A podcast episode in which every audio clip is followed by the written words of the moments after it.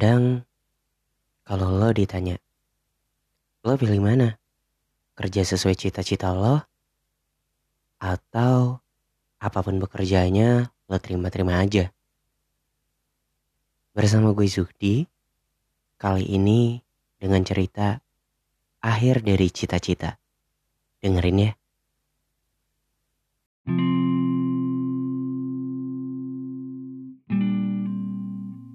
Kita semua tuh pasti punya cita-cita. Kita semua tuh kayak pasti punya harapan kan. Kalau ditanya, kalau lo nanti kerja, pengen sesuai cita-cita lo atau enggak gitu. Kalau gue pribadi sih, ya pastinya sesuai cita-cita gue ya. Karena mungkin semua orang kebanyakan sih pasti berpikir, ya apa yang dia cita-citakan ya pasti yang akan dia kerjakan. Memang kalau di dalam kehidupan nyata ya, kadang apa yang kita cita-citakan tuh nggak nggak semuanya tuh kayak terwujud gitu. Kadang lo ngerasain di mana titik lo akhirnya nggak dapat cita-cita itu, lo nggak bisa dapetin apa yang lo mau gitu. Tapi semua tuh bukan kayak akhir dari semuanya tuh enggak gue sendiri lebih berpikir kayak ketika lo emang gak bisa dapet cita-cita itu ketika lo emang gak bisa kerja sesuai apa yang lo cita-citakan bukan berarti cita-cita itu tuh gak lo dapet gitu. Bisa jadi ketika lo mengerjakan pekerjaan yang lain di luar dari cita-cita lo lo sebenarnya sedang berproses menuju cita-cita itu. Kalau gue kayak gitu ya. Terlebih kalau gue pribadi ya di dalam kehidupan gue gitu. Memang gue orang yang selalu punya impian. Gue itu orang yang selalu punya harapan. Ya entah itu yang sering orang bilang cita-cita. Entah itu yang sering orang bilang itu harapan yang berbalut apa pun itulah katakanlah. Gue itu orang yang seperti itu. Gue orang yang selalu pengen bisa menjadi sesuatu hal yang bisa didengar banyak orang kayak gitu uh, ya mungkin idealis ya. Tapi ya itu gue gitu. Gue selalu punya pemikiran gue selalu punya harapan itu seperti itu. Nah pada suatu ketika gue pernah baca suatu buku. Bukunya itu punya karangannya Ipo ya. Karangannya Mas Ipo. Nah di buku itu tuh gue yang sebagai pembaca ya saat itu ya. Gue tuh kayak disuruh coba kamu tulis 100 impian yang akan kamu gapai kayak gitu atau yang kamu harapkan gitu. Kalau dibilang kayak sebelum-sebelumnya sih memang belum pernah ada ya gue nemuin buku kayak gitu ya. Pada saat itu tuh kayak ah gue coba aja dulu deh nulis gitu.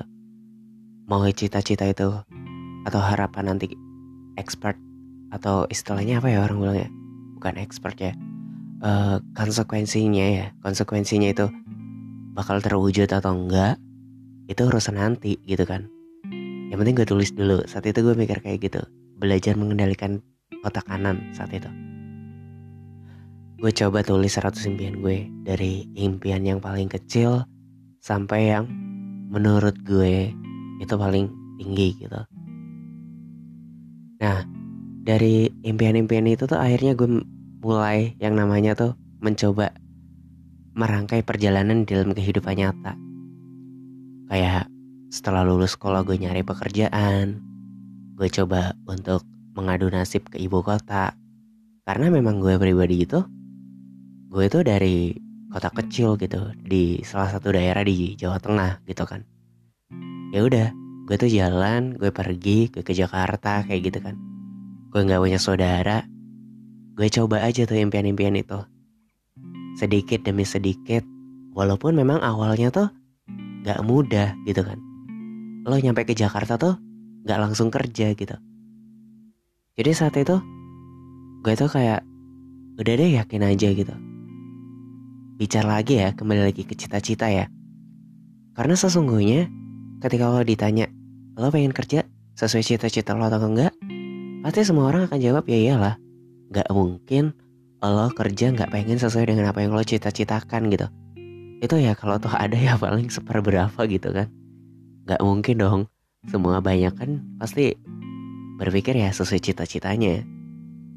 Ya inilah umumnya seperti itulah kalau kalau gue bilang ya.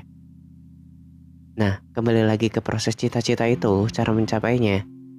Kadang tuh kita kayak uh, suka bingung gitu kan karena nasib yang belum mengubah kita sampai akhirnya kita tuh kadang terpuruk gitu.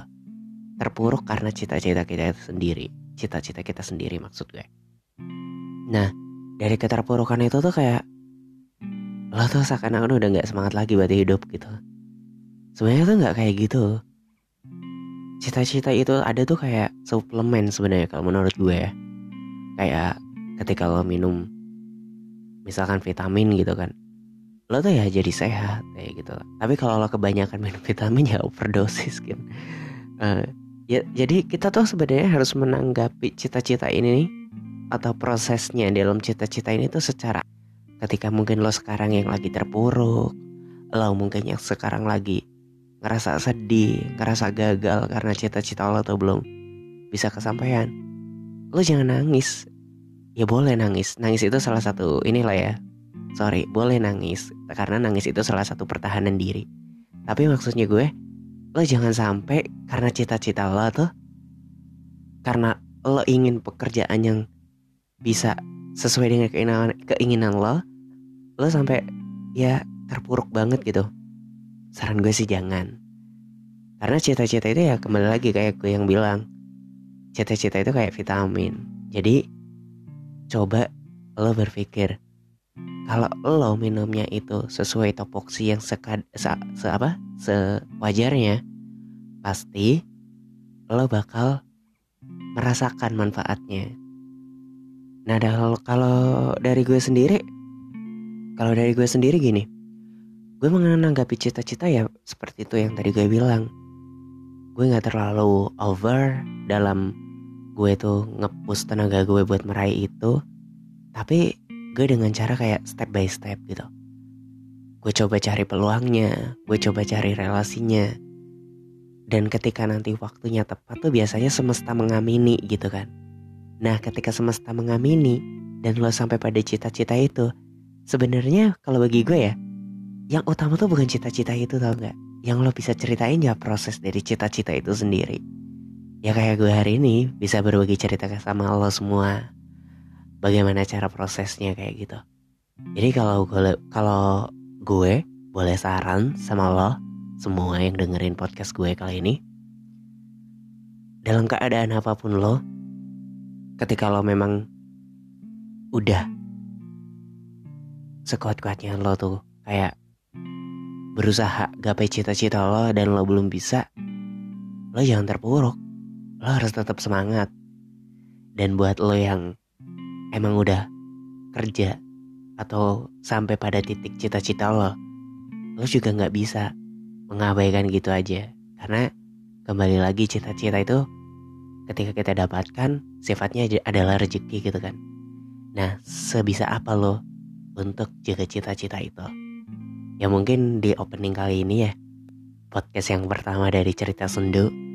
Semoga apa yang kita cita-citakan, apa yang kita harapkan lo semua, gue, kita semua bisa kayak mendapatkan hal yang kita harapkan.